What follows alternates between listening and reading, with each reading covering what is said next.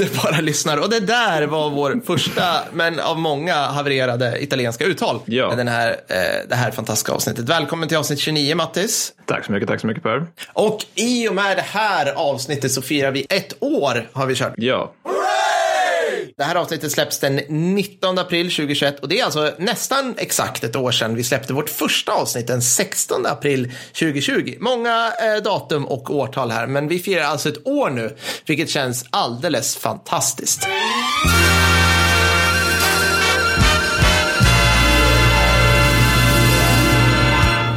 Är vi, är vi pigga och glada?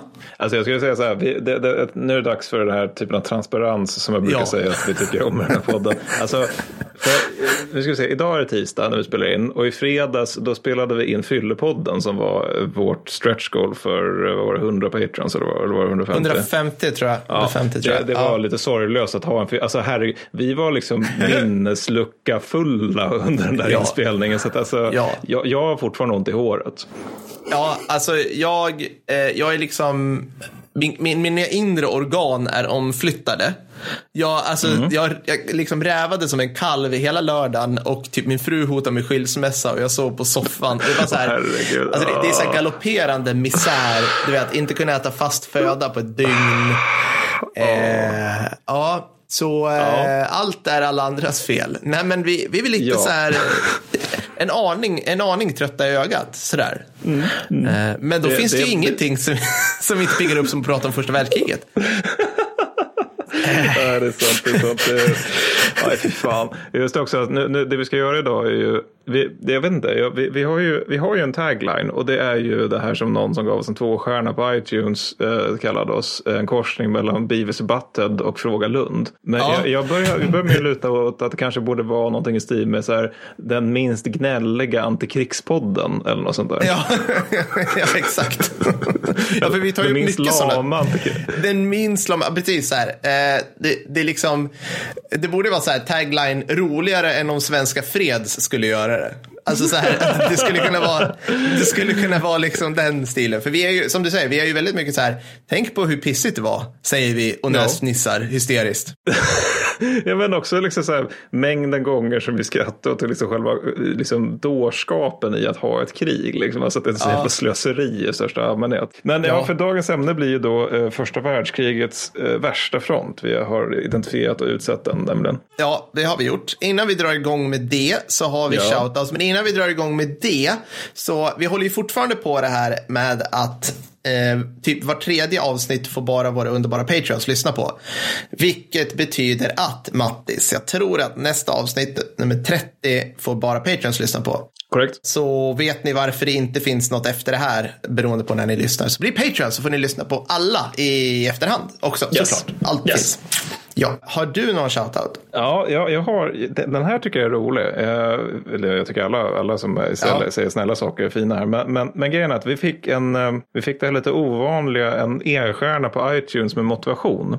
Från Ved är kul, som har skrivit rubriken MK. Jag vet inte vad det betyder. Skriver då en stjärna. Lyssnade på avsnittet om vad som hade hänt om Tyskland hade vunnit kriget. Eh, punkt, punkt, punkt, punkt.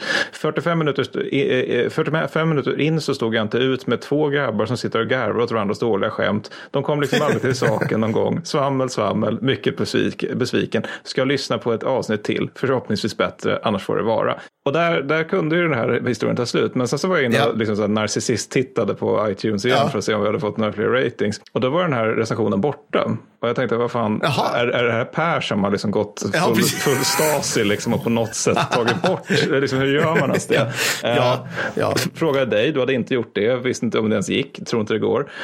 Nej. Men sen så då dyker den här upp igen och då är det samma budskap, men nu med fyra stjärnor och så står det uppdatering, kolon, lyssna på några avsnitt och tycker att det ändå var bra så jag får vika mig.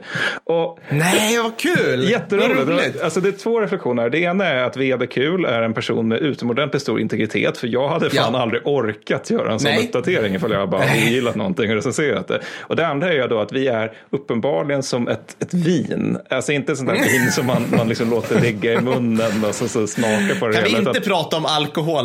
Bara så lite vi kan. Alltså det är fortfarande jobbigt. Ja, jag förstår det. Men nu får jag Ja. härda ut här. För att Ja. känner vi inte ett sånt vin utan vi är mer som ett väldigt billigt lådvin. Att man, det smakar kanske inte så gott men när man har druckit tillräckligt mycket så spelar det ingen större roll. Liksom. Nej, nej, Castillo del Craco eller något sånt där. Exakt Mm. så är det. Ja, Ja, så det var min shoutout till Vederkul. Tack för att vi kunde förföra dig.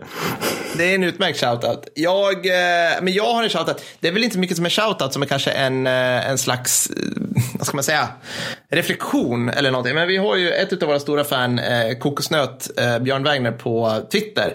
Eh, och han, han sitter och uppdaterar mig ibland och skickar bilder på så här, topplistan på eh, historiska poddar på iTunes. Där ligger vi, när han skickar in det här, eh, ligger vi på femte plats. Och eh, vi är omgivna av Militärhistoriepodden och Fronten andra bra poddar. Och vi vet att Urban Lindstedt ligger i topp och lite så här. Och en sak som slog mig här bara, nu, nu går vi över från det här var en shoutout till att det här blir världens största humble brag. Det här kanske vi ska bara klippa ut, jag vet inte. Men det är ju det, du och jag Mattis, vi är ju liksom, vi har ju inte något kändisskap att falla tillbaka på. Nej, nej Eller vad man ska säga. två arbetslösa småbarnspappor.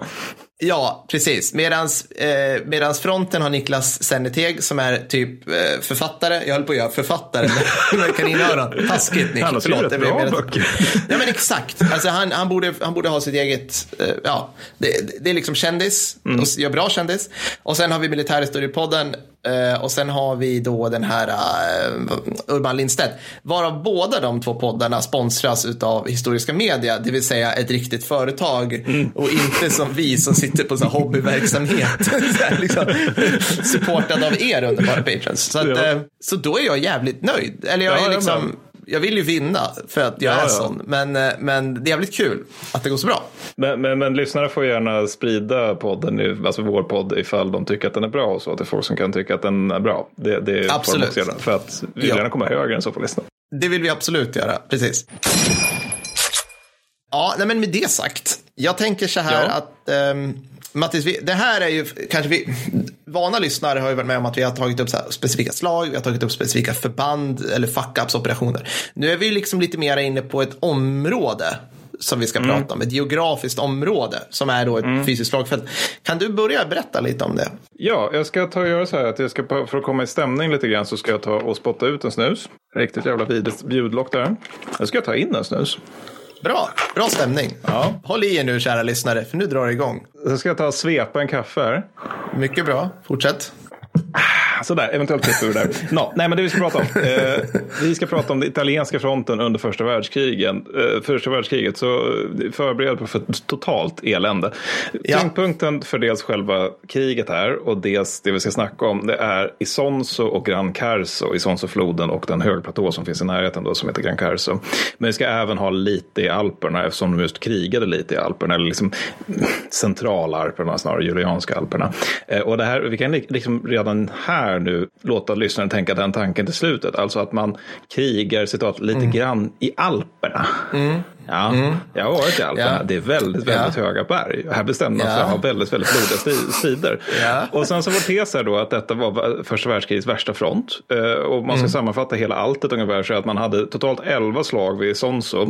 Eh, Och ett tolfte sen som var att eh, tyskarna och österrikarna anföll. Men 11 italienska anfall vid Sonsofloden. Och man tog nästan ingen terräng överhuvudtaget. Alltså det, det är ett lägre framryckningstempo vid Sonso än det är på västfronten. Mm. Och vad, vad brukar vi associera västfronten till? Inte liksom så här hypermobil aggressiv krigföring som tar enorma alltså så här, ställningskrig skulle jag vilja associera ja, västfronten ja, till. nej, men alltså, Mm. Typ Passchendaele-slaget, där tog man bara så här, tre kvadratkilometer eller någonting åt det hållet efter liksom ett, en hel höst av totalt lidande. Liksom, man tog nätt och jämnt terräng nog för att kunna begrava de som hade stupat i offensiven. Liksom. Så att, Nej. Det gick inte så snabbt där. Och om man då säger liksom att Nej. de här elva slagen i luften, i sånt så tog mindre terräng, då, då, då säger ju det Ja. någonting så. Ja, precis. Nej, men, men alltså för att, för att liksom grunda, om man, vill, om man vill gå upp det här medan vi kör på Google Maps eller whatever.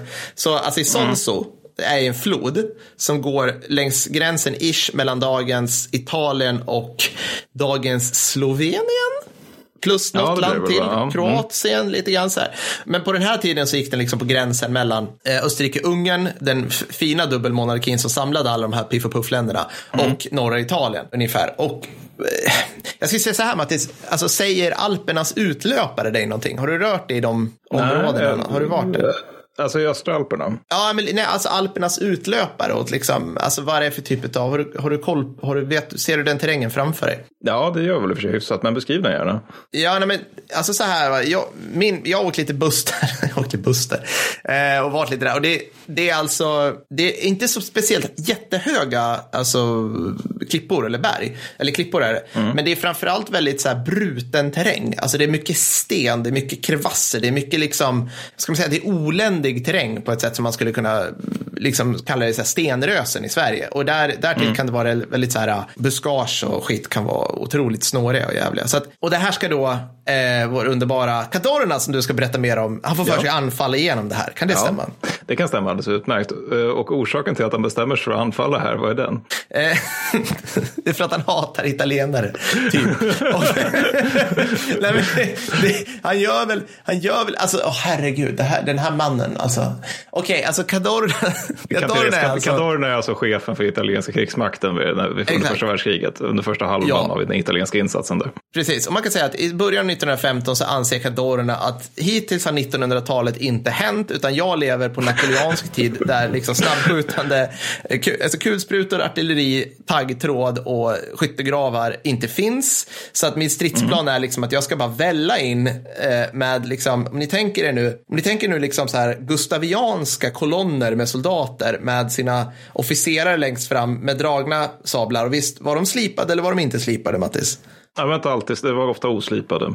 Ofta oslipade och typ så här standardbärare ska vi liksom gå dit. Och vi ska, det, alltså han hade ju väldigt blygsamma stridsmål. Han ville nå Ljubljana, jag kan inte uttala det, Sloveniens mm. huvudstad, som 15 mil bort eller något. Och där skulle han då hota hela, hela Österrike-Ungern och tvinga dem till kapitulation genom att deras huvudstad Wien då låg i närheten. Eh, väldigt mm. blygsam plan, eh, väldigt fullständigt verklighetsfrånvänd Alltså, det var just det att han glömde, han glömde liksom sin nästan namn, Konrad, det här som vi alla här för borde göra under första världskriget, det vill säga kolla Google Maps och se, ja. finns det något terränghinder här emellan mig och mitt slutdestination Wien? Och det visade sig att det var just Alperna. Men, ja. men, ja, men precis, jag, jag tänkte att jag kunde försöka sätta stämningen lite grann för det här eländet med, med att beskriva hur det gick till under första slaget vid Sonsog, och det är bra. Mm. Mm, kör. Ja, det vi har på ena sidan här då, det, det du beskrev där just, alltså att det är liksom led efter led av tätt packat infanteri. Eh, det är officerare som står längst fram och ser sturska ut. De har sina dragna sablar.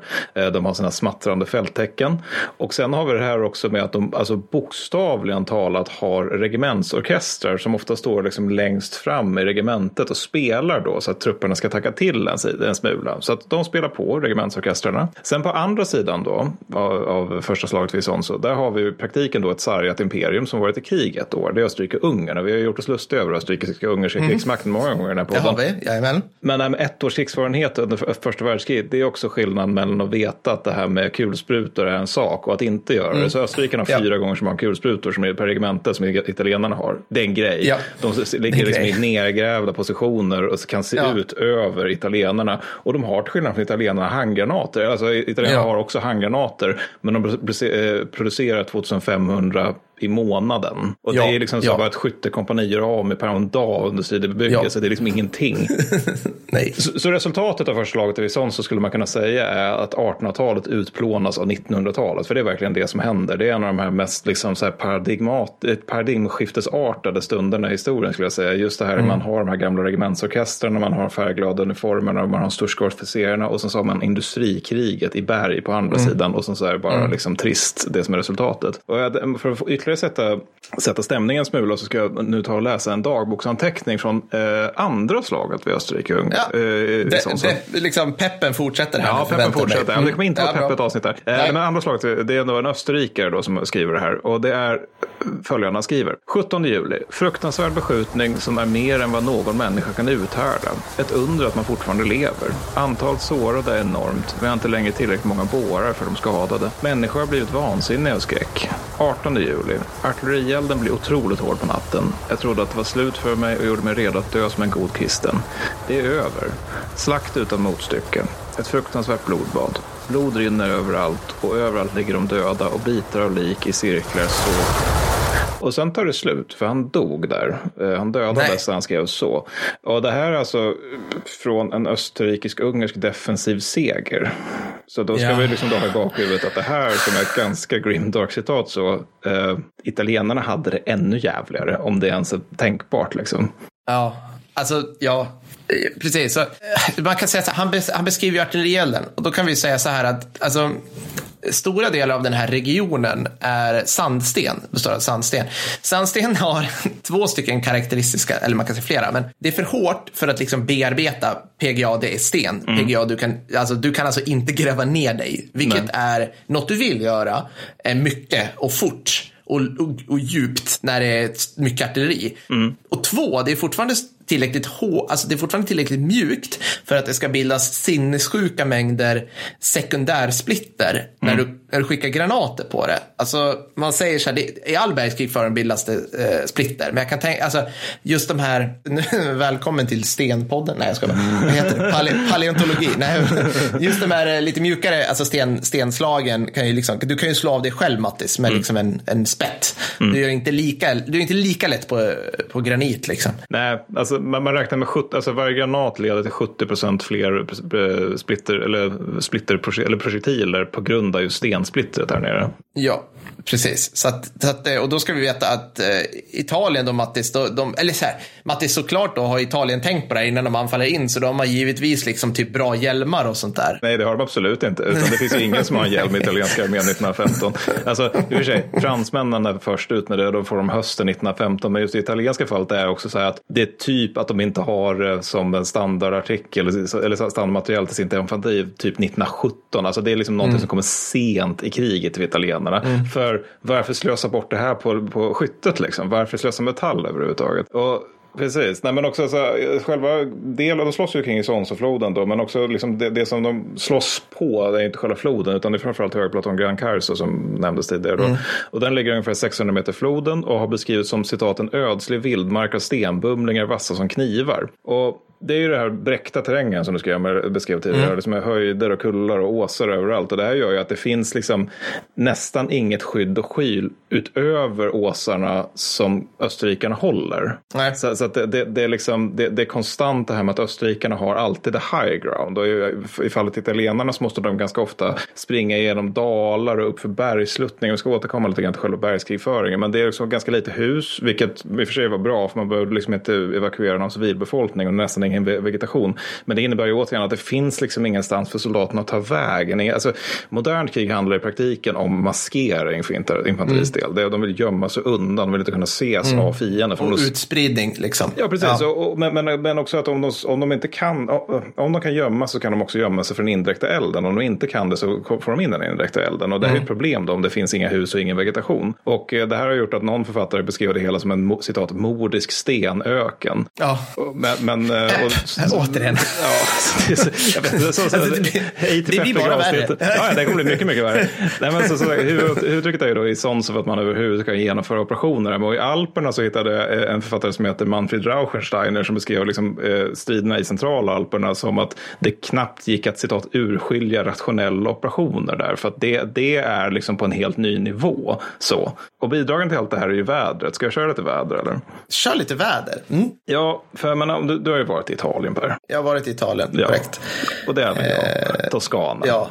Åh, det är så vackert. Jag var i Rimini, jag har varit i San Marino, Rom. Ja, Fantastiskt ja, väder. Ja, ja, Siena, Så det är- Tosca- eh, Florens. Man går runt, tar en kaffe, bopidi babidi bopidi. Ja, alltså underbart. Böljande kullar, va- vackra vingårdar som ligger på liksom fina sluttringar. Den här typen av gyllene solsken som smeker landskapet medan man hör syrsorna spela i sommarsolen. Ett romantiskt landskap nästan. Alltså Ja. Man blir helt passionerad när man är där. Ja, jag Man blir ju det och också det är ganska varmt och det, det var det även vid den här tiden. För alltså, det, det, allt det här som vi nu beskrev gäller ju även vid sånt så, men det är ju det att det är alltså snittar 30 plusgrader på sommaren och sen snittar det 15 minusgrader på vintern. Så att det är alltså Mm. tillräckligt varmt för att vara riktigt jävligt ifall man ska springa, strida och vara uniform under den här tiden och tillräckligt Mm. kallt för att det ska vara svinjobbigt att sitta still i skiten och båda är något som händer då naturligtvis. Ja. Och det är mycket nederbörd oavsett årstid. Man, man räknar på ungefär liksom regn eller snö eller snöblandat regn var tredje dag året runt Ja. på den här delen delen av världen. Och snö, det kan avbryta hela offensiver, eh, vilket leder till att italienarna 1917, när österrikarna och tyskarna kommer brakande under Caporetto-offensiven, det vill säga tolfte slaget, så, mm. de pratar om österrikiskt väder, det vill säga att det är soligt, vilket innebär att österrikarna kan anfalla. Ah, eftersom väder är liksom någonting som kan sinka en hel offensiv. Alltså till exempel så försenas tionde slaget vid sånt som ett halvår på grund av kraftiga snöfall. Alltså det är ett helt jävla ja. halvår där de bara sitter ja. händer. Bara, det, sorry, det är för mycket snö. Liksom. Alltså, skyttegravarna är fyllda med skiten. Vi, våra infanterister kan inte gå för de har så mycket, förfrys, för, så mycket förfrysningsskador. Vi får bara vi får rangechecka det här helt enkelt. Men det var ändå en väldigt, väldigt trevlig insikt då. då. Eller ja. my, myteri, eller jag vet inte, ja, ordervägran. Om det är fjärde som de sätter igång trots att det råder den här typen av, av förhållanden ja. med manshöga snödrivor och så vidare. Men sen liksom efter ett tag då bara, nej men fan nu, nu är det ju så liksom att det bara är och vi springer i en snöstorm, liksom, vi kan inte fortsätta. Nej. Men sen så har vi då det här utlovade att de har liksom eh, Alperna också, alltså mm. centrala Alperna. Mm. Och där är det liksom på den här nivån att laviner tar död på hela kompanier. Alltså naturen mm. är förmodligen mm. mycket, mycket farligare än, än liksom fienden mm. och så. Och så det mm. spelar egentligen ingen roll om det är österrikare eller italienare i de här förhållandena. För liksom, hela plutoner blir insnöade i sina bivacker liksom, och det gör att man liksom, så sent som typ 2010 hittade en hel hög, jag tror det var en skyttegrupp med österrikiska mumier som hade, de hade dött uppe i Alperna och först liksom, ja, nästan hundra år senare som man hittade deras kvarlevor. Då. Och där är det också så att soldaterna ofta klagar över att det är dimmigt i centrala Alperna. Men det är förmodligen inte dimma, utan det är förmodligen då moln. Mm. För att de strider mm. alltså på 2 till 4 000 meters höjd. Så ja, det, ja. Det, jag, hittade, jag hittade via en googling en alltså inte en väderleksrapport utan en väderleksanalys från 1918. Det var någon, så här, något på något brittiskt universitet som skulle liksom försöka beskriva det här, liksom, hur har vädret påverkat mm. det italienska slagfältet. Så. Och då beskrev han, alltså det här kanske stämmer, jag vet inte, men han beskriver i alla fall hur man har någon sån här liten eh, offensiv på kompaninivå eller bataljonsnivå i all centrala Alperna. Och hur man var tvungen att avbryta den helt och hållet när man inser att soldaterna befinner sig nu bokstavligen talat i ett åskväder. Det slår liksom, de mm. Är bland moln som genererar blixtar. och då tyckte till och med Österrike och italienare att nu kan det vara bra. Det, det, det, är jättedåligt. Det är väl nog det sämsta. ja. ja. ja.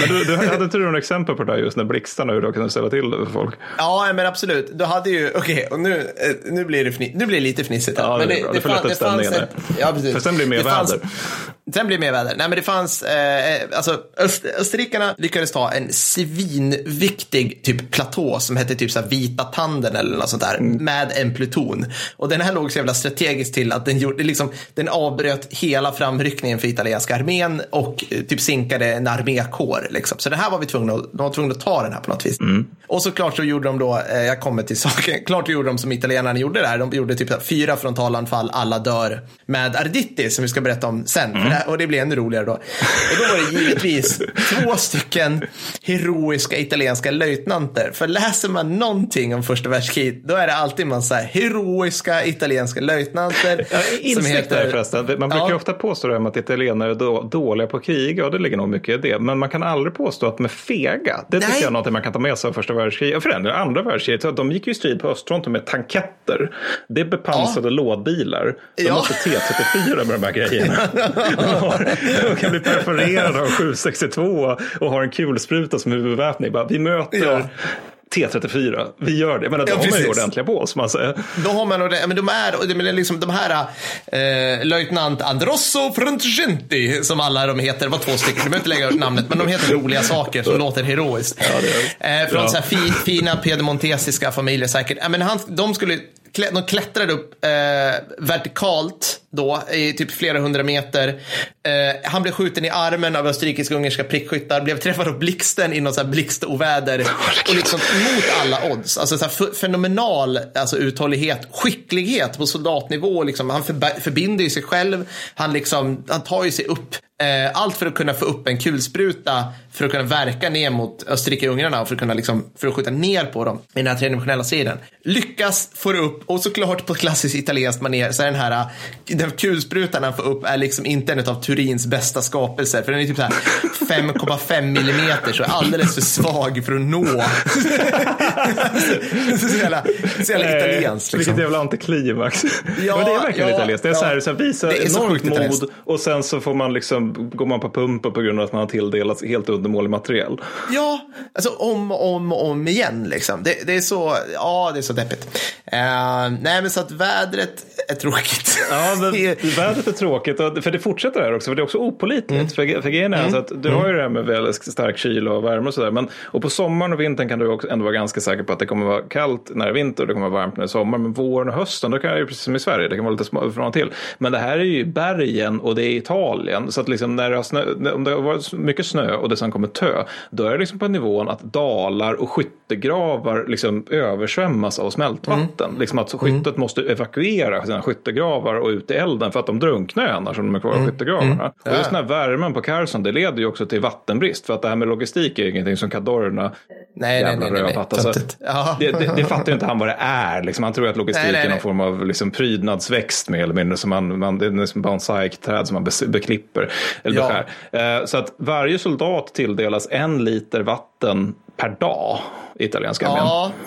ja. Oh, jag tror jag har druckit en liter vatten hittills under tiden vi har spelat in. Alltså, men alltså, fan, de är i strid, de rör sig ja. och de får en ja. liter. Vad är man ska ha för att inte liksom bara rakt av knallfall dö? Inte det är tre och en halv liter? Nej, men det får ja, Och grejen är att, man, man, kan inte dricka, alltså vi pratar ju om floden och sånt där och det finns ju bäckar och skit och tövatten och sånt där i, i vik på Carson. Men det går ju inte att dricka det för att det är ju så mycket lik och skit överallt, och bokstavligt talat skit överallt så att det är ju obrukbart. Så man måste liksom få det till fronten. Och det går ju då inte använda lastbilar, dels på grund av liksom själva terrängen, men dels på grund också Nej. att den italienska armén kan ju inte gå ens med den bästa vill jag kalla för motoriserad vid den här tiden. Nej. Så att istället så blir det ju män och mulor då som får liksom halka fram då i landskapet då med vatten till kamraterna. Men det här hindrar ju inte från att när man ska dra igång elfte slaget om i sån så, så genomför man det, kommer faktiskt en liten bit och sen så efter ett tag så säger någon till kadorerna då att uh, ursäkta herr generalissimo, men nu är det så att vi, kan liksom omöjligen få fram mat och vatten till soldaterna längre, så vi kanske borde Nej. avbryta här. Varpå kadorerna bara kör. Ja. Fortsätter. Att de fortsätter i några dagar efter liksom, att de kan, kan sluta för sig. Alltså, det är så japanskt eh, ja, över det. Liksom, att, ja. Och så det här leder till att trupperna får värmeslag i massor naturligtvis. Och eh, dessutom så sväller ju Isons under våren och det försvårar ju precis allting överhuvudtaget. Så. Men så kan det ju vara. Apropå, jag måste bara sticka in där med bergskrigföring, eh, när vi var, var inne på det. Att under missionsutbildningen till Afghanistan mm. så var det så här, vi hade någon så här någon två timmars pass i powerpoint död på någon så här lektionssal på gardet. Där de pratade om berg. Och då var det typ så här, okej, okay, Afghanistan är berget. Berg är rövfarliga. Berg är så farligt. Gå inte upp i bergen. Gå, alltså, ni ser, titta på bergen, ta bilder av bergen, rör er inte i bergen. Om, ni, här, om talibanerna springer upp i bergen, kalla in stridsflyg och bomba. Gå inte upp i bergen. Alltså, mm. det, var, det var det enda han sa. Jag kommer inte ihåg vad det var. Det var liksom, berg är farligt. Håll er mm. borta från berg. Ja. För att du går upp i berg, du har ingen aning om vad som händer. Det kan vara liksom, du kan gå upp på morgonen, det är solsken, det går en timme, du står liksom till midjan i snö. Ja, ja. Och, och temperaturen har sjunkit med 30 grader liksom.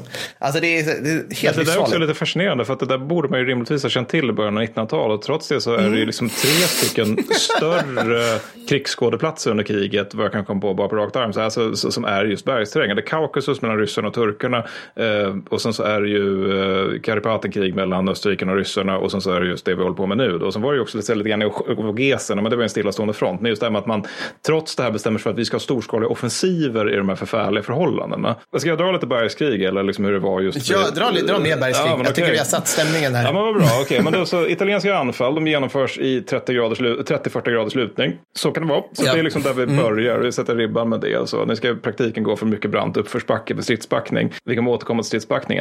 Eh, och grejen är också att italienarna, du nämnde det här med att man kan inte gräva värn i den här den terrängen. Och det kunde de inte. Och det var för att de saknade länge stenborrar. Eh, vilket är vad du behöver. Du måste ta mer en jävla sten stenborr upp och sen så måste du under beskjutning gräva ett värn och sen så länka ihop skyttegravar med, med andra stenborrar. Det finns inte för italienarnas del för att det var ingen som hade tänkt så långt. Nej. Österrikarna har det här, men de har för få och de orkar inte alltid. Så de bygger så, de är istället utlämnade till att bygga liksom murar av stenar istället för skyttegravar. Så det är liksom medeltida nivå vi har gått till nu. Mm. Förläggningar, det är ju också någonting sånt som man liksom inte riktigt hade tänkt över. Hur ska det gå till? För vi, vi skulle, mm, det hade ju varit kul. Det hade varit bra om vi hade det. Men nu var ju det att slutmålet var Wien och vi förutsatte att vi skulle vara där snabbt. Liksom. Så det, ja. det, är rätt ofta så att soldaterna helt enkelt, och boas sida faktiskt, bor i grottor rätt och slätt. Och det är därför ja. många dör också. Eller, eller rätt många dör bara av att grottor kollapsar eller att de blir instängda eller liknande på det, på det sättet. Sen i Alperna, där är det ju som vanligt, alltså Alperna, jag, säger, jag måste sluta säga det här, men när jag säger Alperna menar jag centrala alpfonten. efter när jag säger Alperna, tänk centrala alpfonten. Men det har kallats för bergsguidernas krig och det här handlar då om att man liksom, man försöker, alltså ta bergstoppar bokstavligt talat från varandra. Och det gör man då på bästa sätt genom att man eh, antingen spränger bergstoppen under eller över den andra. Så att om det är liksom ett gäng italienare som sitter på en bergstopp så försöker österrikarna då eh, liksom minera under den. Det här mm. är liksom ett företag mm. man kan hålla på med i liksom ett halvår. Att man liksom bara gräver en tunnel genom berget, skapar en stor sprängkammare och sen så detonerar man en bergstopp för att få bort den där liksom förstärkta plutonen som har hållit under hela den här tiden. Då. Förmodligen ganska jobbigt. Eh, som sagt så rasar de här striderna på 2 4 000 000 meters höjd, vilket är jättehögt upp att slåss på. Jag, jag, jag, jag, har inte läst det, men jag förutsätter att folk måste ju ha fått uh, syrebrist när de just för, sprang i den här terrängen, när det är så högt upp. Alltså, ja, jag testade att springa Eh, jag körde ju genom Tadzjikistan, mm. Pamir Highway. Och den, då var vi uppe på typ så här 2000, nej 4500 tror jag vi var uppe på som max. Och då sprang, då sprang jag igång bilen mm. när vi hade stannat i uppförsbacken. Så sprang jag 100 meter. Ja. Och det här, det här, då var jag liksom jävligt bra form, 27-åring eller något sånt där. Och jag bara, alltså det var liksom, det var som att jag, jag hade på mig shorts och t-shirt. Ja. Och det, det, var som att jag hade gjort typ 100 burpees. Alltså jag, bara, jag kunde liksom inte få in luft. Det var, så, det var liksom helt, det var så sjukt jobbigt. Ja, men fattar du, gör det fullt stridsutrustning, men du ska också klättra upp för de här bergen. Och du ska, ja. alltså det, menar, det, det är ju, ja, nej. nej. nej så, så, ibland ja. är det, så, det, det är ju så högt upp liksom, så att det finns ju glaciärer där uppe. Så en del offensiver sker, alltså det är ju liksom inte så att man sätter in en division då, men en del offensiver som ändå är på så kompani och bataljonnivå, det är ju att du återigen spenderar kanske ett halvår med att gräva dig igenom glaciären. Det, det, det finns ett firat ardit-exempel när de ska ge sig på österrikare som ligger rätt högt upp på en topp. Så gräver de sig igenom glaciären, slår ut, liksom, efter ett halvår slår de igen, liksom ut så att de kommer ut i, i österrikarnas värnsystem. Första killen ut dödas omedelbart. ja. Och sen så lyckas de ändå ta det där. Och ofta är det här ren bergsbestigning under beskjutning. Jag, jag hittade på, på Wikimedia Commons så är det någon hjälte som har lagt upp eh, österrikiska generalstabens, eller österrikiska presskåren snarare, eh, mer eller mindre hela bildarkiv. Och där mm, finns det mm. helt otroliga bilder från just alpfronten och några av dem föreställer österrikiska officerare som ska liksom typ spana lite. Du vet, de ska liksom ut och titta hur går det för fienden. Och det är ju så här, ja men där är en man som klättrar i 90 90-gradig lutning uppför en bergvägg. Ja. Det, kan, alltså det är folk ja. som beskjuter honom medan han gör det. Det finns andra ja. bilder som föreställer italienska artillerister som har liksom, håller på att baxar upp artilleripjäser med lyftkranar. Återigen 90 graders jävla lutning. Ja, ja. Och, det, det, och det är liksom, hur svårt det här är kanske man liksom får en, en känsla av. Om, man, om jag säger att 1916 så genomför italienarna 26 anfall mot en enskild topp och inget lyckas. Så till slut beslutar man sig bara för att spränga toppfan för att det går ju uppenbarligen inte där. Och eh, oavsett om det är Carso eller, eller, eh, eller Alperna så, så, så är det liksom ofta mer eller mindre dödsdömt med alla italienska anfall. Det är en österrikiska och ungerska officerare som liknar vissa av de italienska anfallen för citat ett försök till massjälvmord. Och det här ledde i sin mm. tur till en väldigt ovanlig företeelse i något krig, men det var alltså att, att österrikarna ibland uppmanade italienarna att liksom, nu, nu kan det vara bra med det här. Ni, ni kan mm. gå er väg nu. Ja. Det, det, finns något, jag tror det är från 1916, minns faktiskt inte riktigt säkert, The White War som är en väldigt bra bok som inleds med det här. Den beskriver där hur, hur det är liksom ett gäng italienare som anfaller, de blir mer eller mindre massakrerade, de anfaller igen, de blir massakrerade och till slut så är det då en österrikisk officer som reser sig upp och säger italienare, ni modiga män, gå tillbaka. Alltså liksom bara ja. få slut på det här meningslösa. Alltså, och jag menar, när fienden säger till en att grabbar, vi vill inte skjuta er längre för att det här är inte en jämn fight. Då är det något som går fel. Alltså, jag, jag kan komma på typ ett exempel på det på västfronten och det är vid Los 26 september har jag för mig att det händer när, när tyska kulsprutaskyttar håller inne eld för att låta britterna fly för att kampen vid det laget var så jävla ojämnt vid just den punkten vid Los. Men i Italien så är det, det händer så ett dussin gånger att Österrike, ja. nej, nej, nej, nej, nej, sluta spring nu.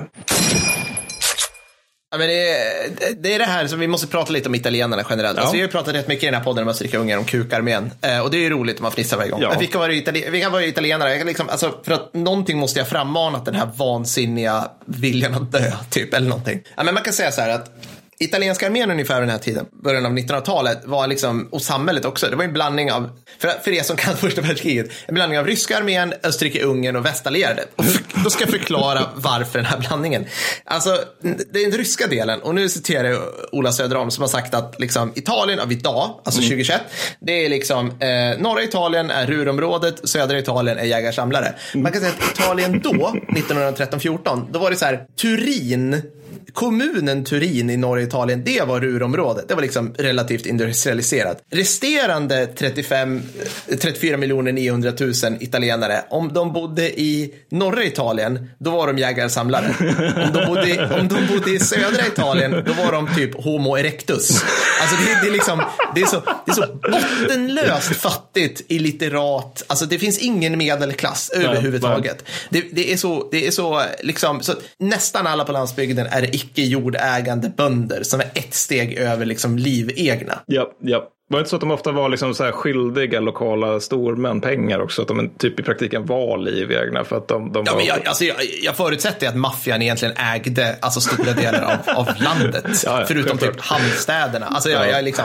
Det verkar mordbrand. Alltså. Ja, men typ liksom. Och, och sen är det ju också så här det här roliga, det är väl liksom, kanske det är Ryssland också, liksom, men att eh, typ, om du, en sicilianare förstod inte alls vad en venetier sa. Alltså så här, de, de italienska dialekterna, de var så aparta på den tiden. Så att typ, tydligen var det så, det här visste inte jag Mattis innan jag kollade upp det här, så var det så att den italienska vi känner till idag, mm. det är typ Florens-dialekten. Just som liksom, det, just det. Ja. Mm, som typ 2 av, av Italien, alltså eliten, så mm. West Coast elites, pratade då.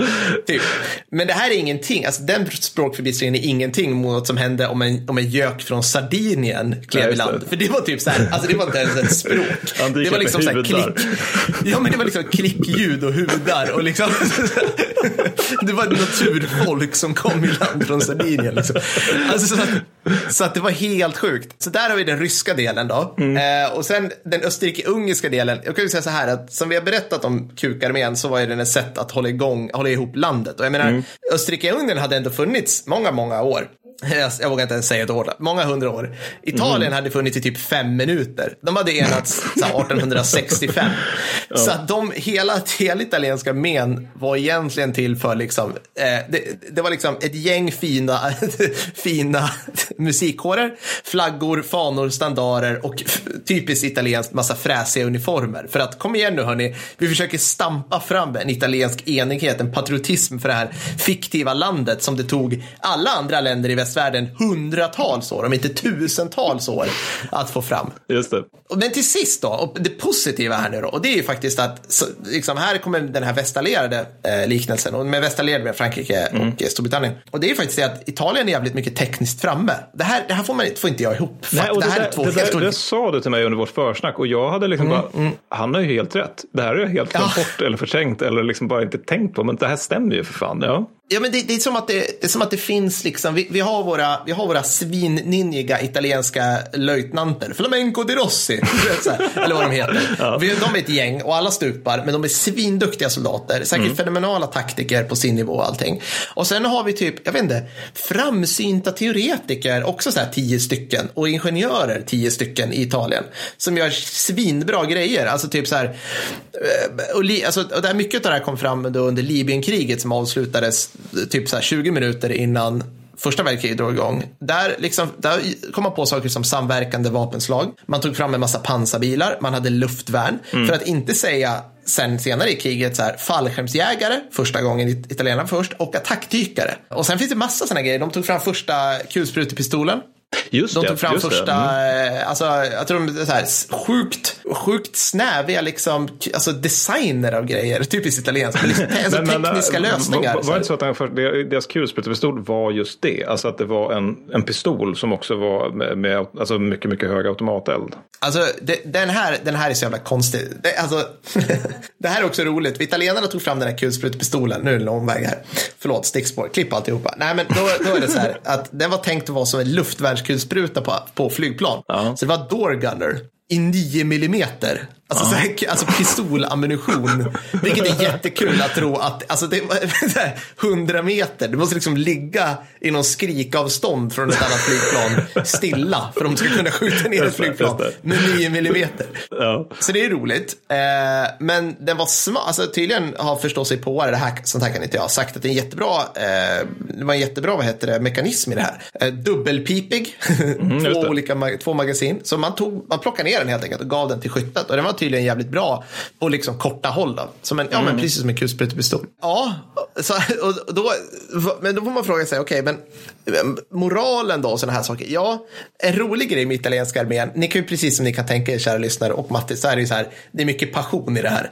Så man, om man läser beskrivningar så, de italienska armén går in i kriget, sen händer, de har enormt hög moral. De vill bara kriga och dö för sitt fosterland.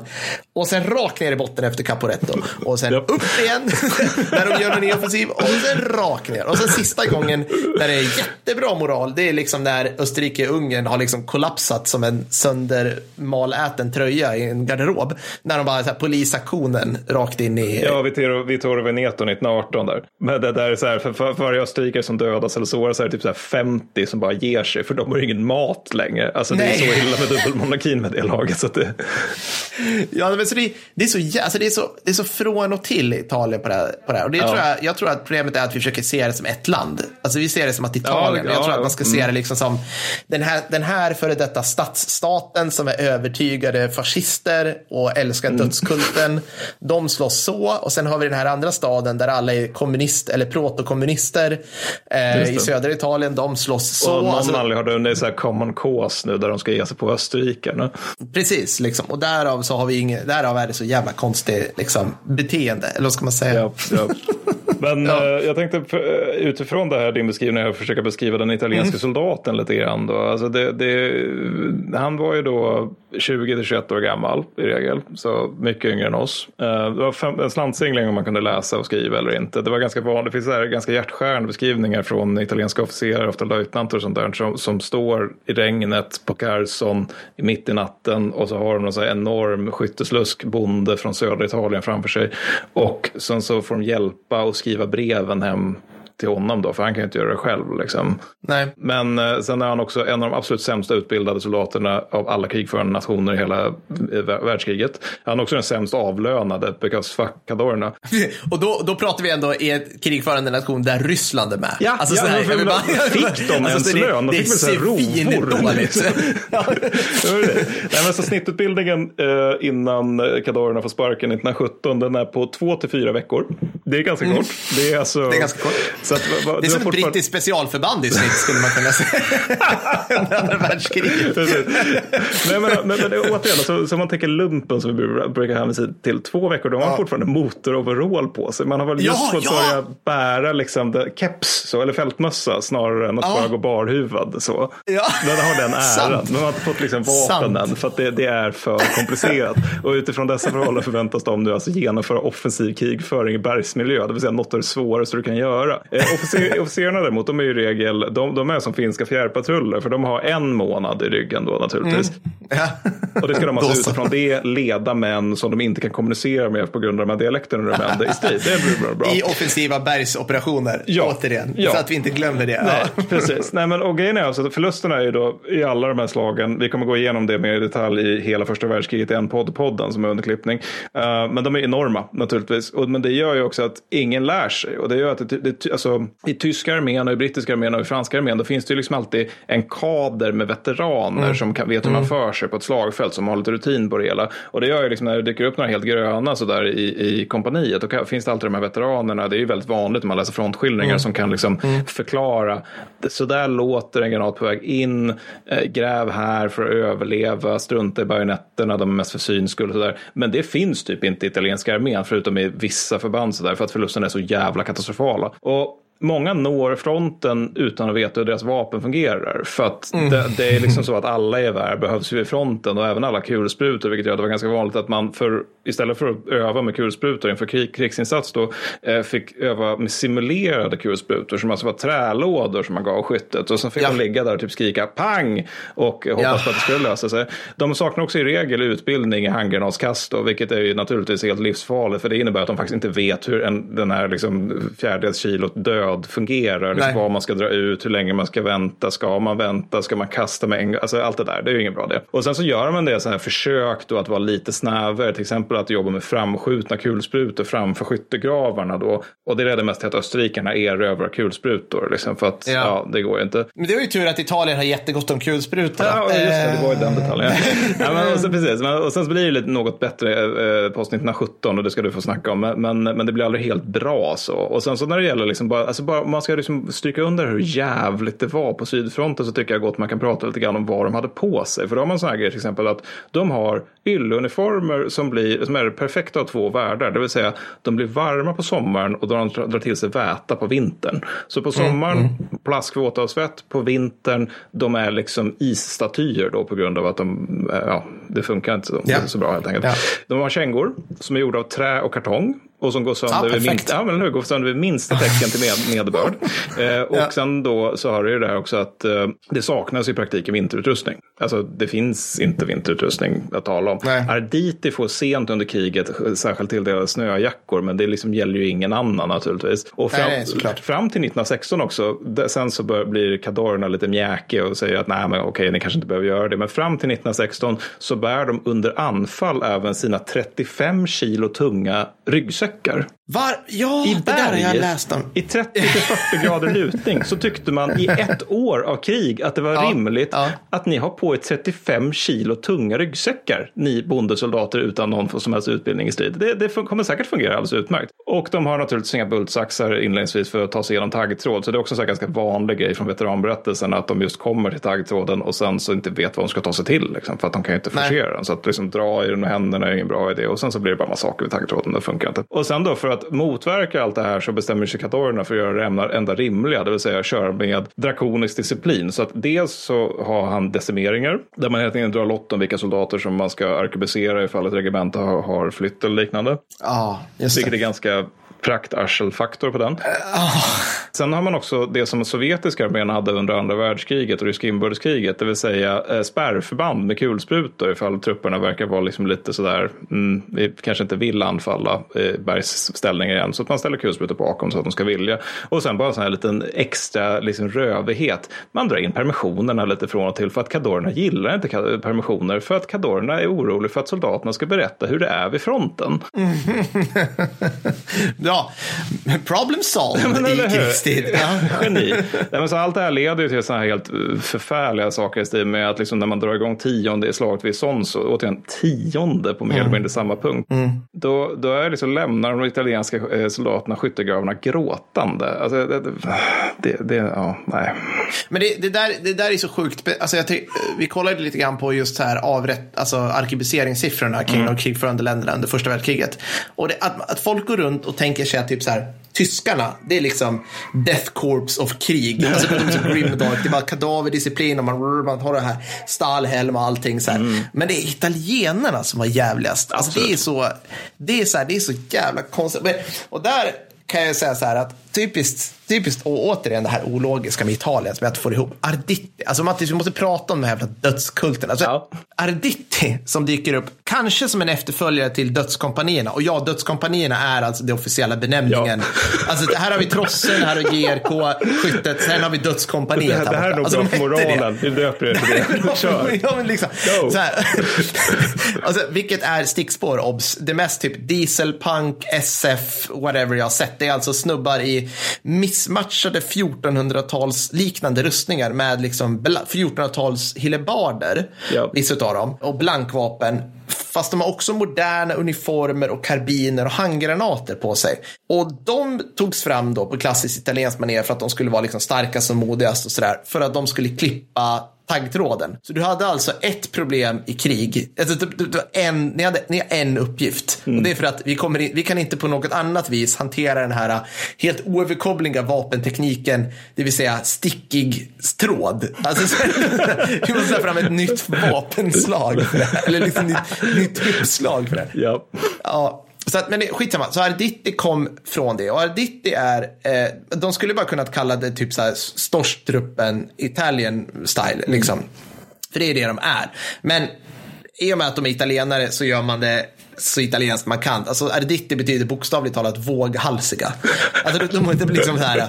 Förut kallade man så här soldati Arditi. Då var han så här våghalsig, modig och nu, nu bara, nej men okej, ni är ett nytt truppslag här nu. Ni får heta Ja. Arditi.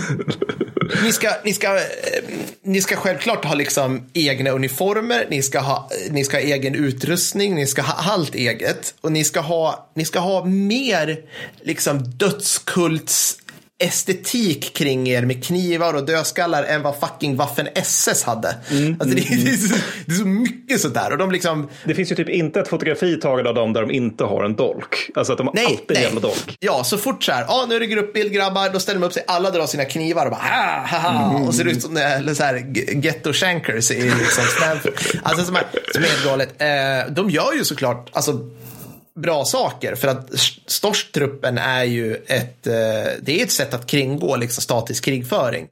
Men det är ju, det är ju alldeles liksom too little too late, för dåligt för att liksom kunna ta sig igenom bergskrigföring av det här slaget. Det är ju liksom... Eh, Ja, ja, men, ja.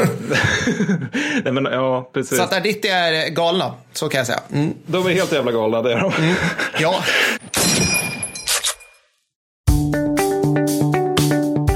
Storartade nyheter, kära lyssnare. Det finns nämligen fenomenalt många muggar. Ja, ni hörde rätt. Muggar. Jag ska berätta var de här ligger. Ni går in på krigshistoriepodden.com. Sen finns det en liten flik där som heter shoppa loss. Där klickar ni. Då hamnar ni på vart ni kan välja att man går in. Klicka på muggarna och ni kommer hamna på en helt sinnessjukt fenomenal sida. Vår egen lilla muggförsäljningskanal. Jag vet inte hur många gånger jag kan säga muggar här. Här har vi bland annat What Would Conrad Do, den evigt populära muggen med vårt skyddshelgon Sankt Konrad. Vi har Frankrike, Estland, medeltung bandmatad kulspruta. Michel, nej. Vi har Party Legacy Johan Benér. Alltså det finns hur mycket som helst. Gå in där och shoppa loss omedelbart. På krigshistoriepodden.com. Klicka på fliken shoppa loss. Gör det nu.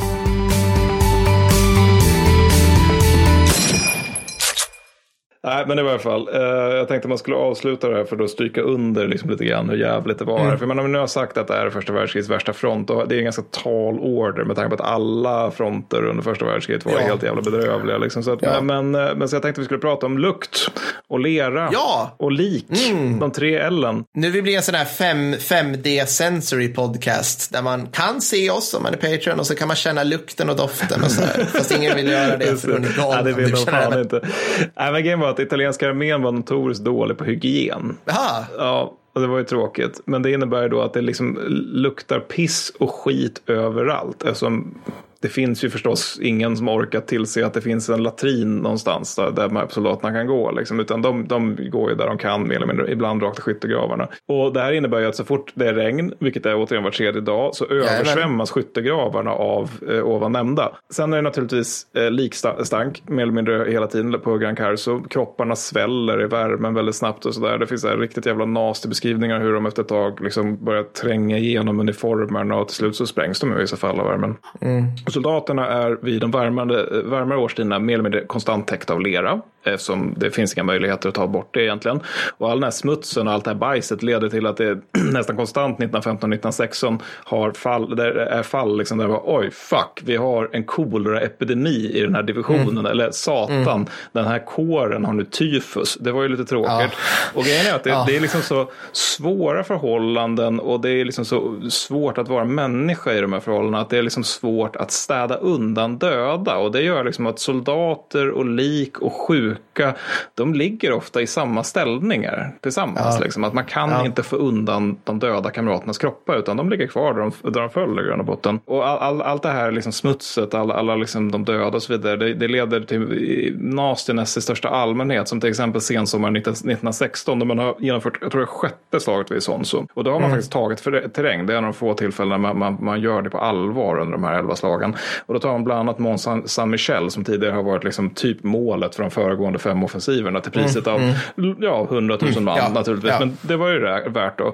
Och då finns det beskrivningar där hur skyttet gräver ner sig på sluttningarna och sen så ser de omkring sig liksom en stor krälande matta av likmaskar då som ligger och glänser i solen där. Ja. Sen så bara något brottstycke från sjunde slaget vid sånt så det beskrivs, beskrivs som att det citat genomförs genom regn och knädjup gyttja i en lik, likstinkande dimma. Slutcitat. Och sen hela det här bristet på avancemang att det är så många som dör och så vidare. Det är ju liksom att trupperna lever hela tiden sida vid sida med så att säga förra årets skörd. Så att det finns liksom rätt mycket liksom dödskallar och skelettrester och så vidare som ligger ute i ingenmansland eller liksom alldeles bakom de ena skyttegravarna om man mot förmodan faktiskt har lyckats ta terräng. Och där finns det bilder på, det ser helt sjukt ut för då har man liksom italienskt landskap, jättefint, jättevackert och så ligger det bara en hög med dödskallar och sönderskjutna hjälmar framför liksom Ja. någon liten bondy någonstans där. Och allt det här är naturligtvis helt gräsligt. Som tur är finns det journalister som kan rapportera om det hela.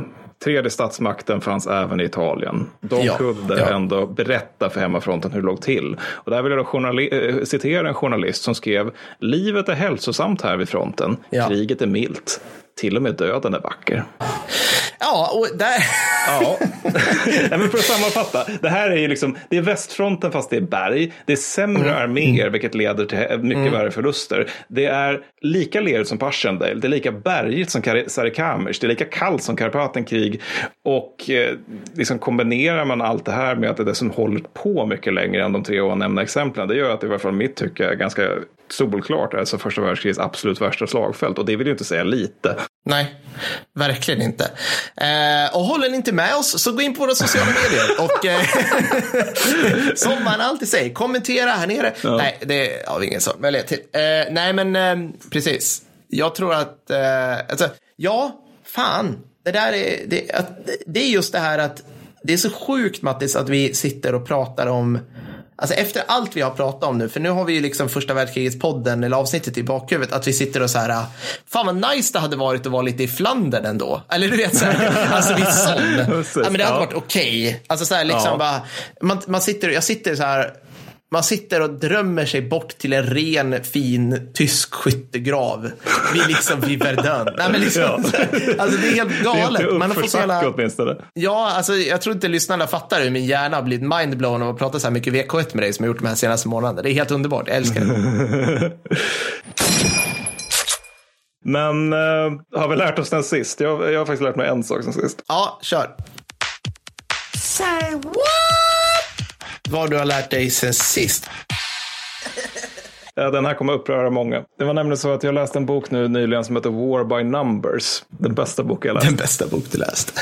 Och det är, eh, för en lång historia kort, det, det är en fi- figur som heter Chris Wallace, som, eh, eller Chris Lawrence, som han är chef för det som heter Dupuy-institutet. Och det de gjorde, det var att de hade stora fuck off-register med så här hundratals eh, slag i. Alltså de, de tog källor från ena sidan, källor från andra sidan, division för division och kollade liksom hur höga förlusterna, hur länge höll det på och så vidare. Och så vidare, och så vidare. Det, är liksom, det är den mest kvantitativa formen av historia man kan tänka sig. Liksom. Och det gör att War by Numbers är en ganska torr bok att läsa, men det finns en del resultat som var lite intressanta. För att de fick nämligen, det här Dupuy-institutet, och de fick uppgift av eh, Pentagon, kan ni kolla hur det är med strid i bebyggelse? För vi alla vet ju liksom att för strid, liksom, det är förfärliga förluster, bla bla bla, bla, bla. alla dör i strid i bebyggelse. Det de gjorde då var att de kollade först västfronten, och de kollade väl liksom typ hundra olika bataljer på divisionsnivå på västfronten under andra världskriget. Sen kollade de östfronten, eh, typ lika många. Sen kollade de eh, flera slag under Koreakriget och Vietnamkriget, alltså utifrån där det fanns källor i grund och botten, för att kunna dra kvantifierbara slutsatser. Vet du vad de kom fram till? Nej, nu är jag jättenyfiken. Strid i bebyggelse är mindre dödligt för anfallaren än vad det är eh, om man är ute på öppna fältet. What?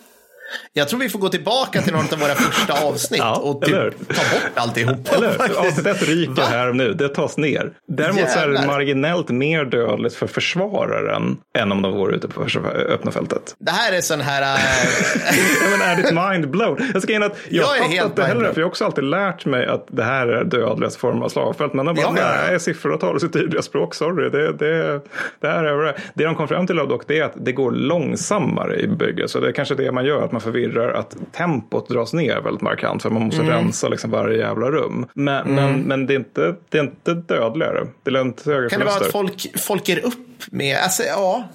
Ingen, nej, det tror jag inte heller, för de, de tar in eh, även krigsfångar i, i förluster. Alltså de använder förlustbegreppet, Mm. alltså totalförluster. Ja. Så jag har ingen aning. Det- Jag har en, nu, nu är efterhandskonstruktion 2000, men det finns ju, det finns ju den här psykologiska aspekten att så här, ju närmare en person du är fysiskt, desto svårare har att ha ihjäl den.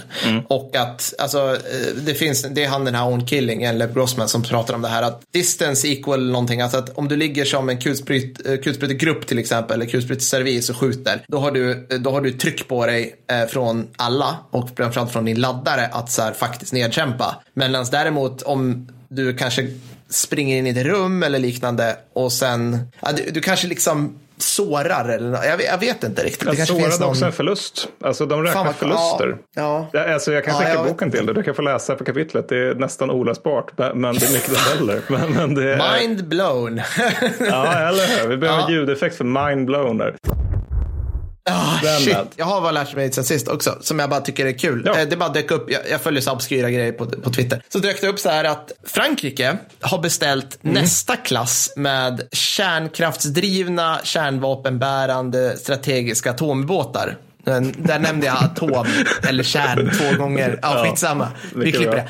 Ehm, alltså de har beställt den. Och det här är alltså, Ja. det, här är, det här är coolt för att det här är, något, det här är något av det absolut mest tekniskt komplexa som människan kan bygga överhuvudtaget. Mm. Och jag, jag bara gillar det här för att det här säger lite grann om hur, hur seriöst republiken tar sin existens. De ska vara Ja. i drift minst till och med 2095. Minst. Jesus. Det betyder liksom att Alltså de, de, den första... Men alltså, vi hinner ju dö innan det. Oh ja, alltså vi hinner, vi hinner kanske dö innan de är levererade. Nej, det hinner, nej, det hinner vi inte. Men, men liksom, alltså 2095, så att de, den, första, den första kullen sjömän som ska bemanna de här, kanske, eller sista då, är ju inte född än. Nej, nej det Liksom, alltså inte. by long shot. Jag bara gillar liksom, och nu tycker jag alla säger, men Per det är såklart, man bygger massa dyra grejer så ska de ju hålla länge. Så här, ja, jag vet, men ändå det är coolt att man liksom, för ofta så förlänger man Men ju så här, alltså, min, min son kommer vara 77 år gammal när de där tas i drift. ja, om de tar sig drift, minst till 2095. Ja, Det är rätt ja, fucking check, jävla check. kickass tycker jag. Bra jobbat Det Frankrike. det är. Får vi Eh, höra marseljäsen.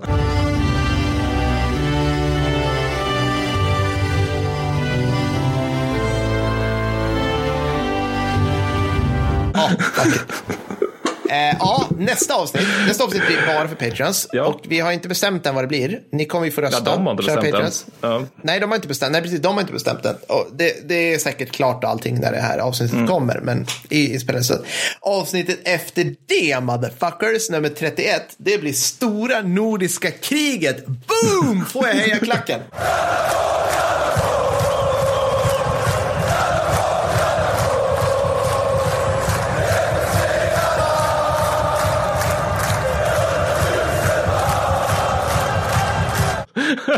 Yes! Eh, det kommer bli helt galet igen. Ja, det kommer, bli, det. det kommer bli. Jag är så jävla taggad. Ja, det kommer vara Jag allt tror jag det blir lite mer uppåt än det här avsnittet också. Så det kommer, vi, Lite kommer ju, vi, kommer ju, vi kommer bara ta de roliga bitarna. Ja, nej, men det kommer vara fantastiskt. Bra, men eh, vi, vi hörs snart Mattis. Ja, det gör vi. Kör vi så det ryker. Ha det gött. Bra, hej då. Hej.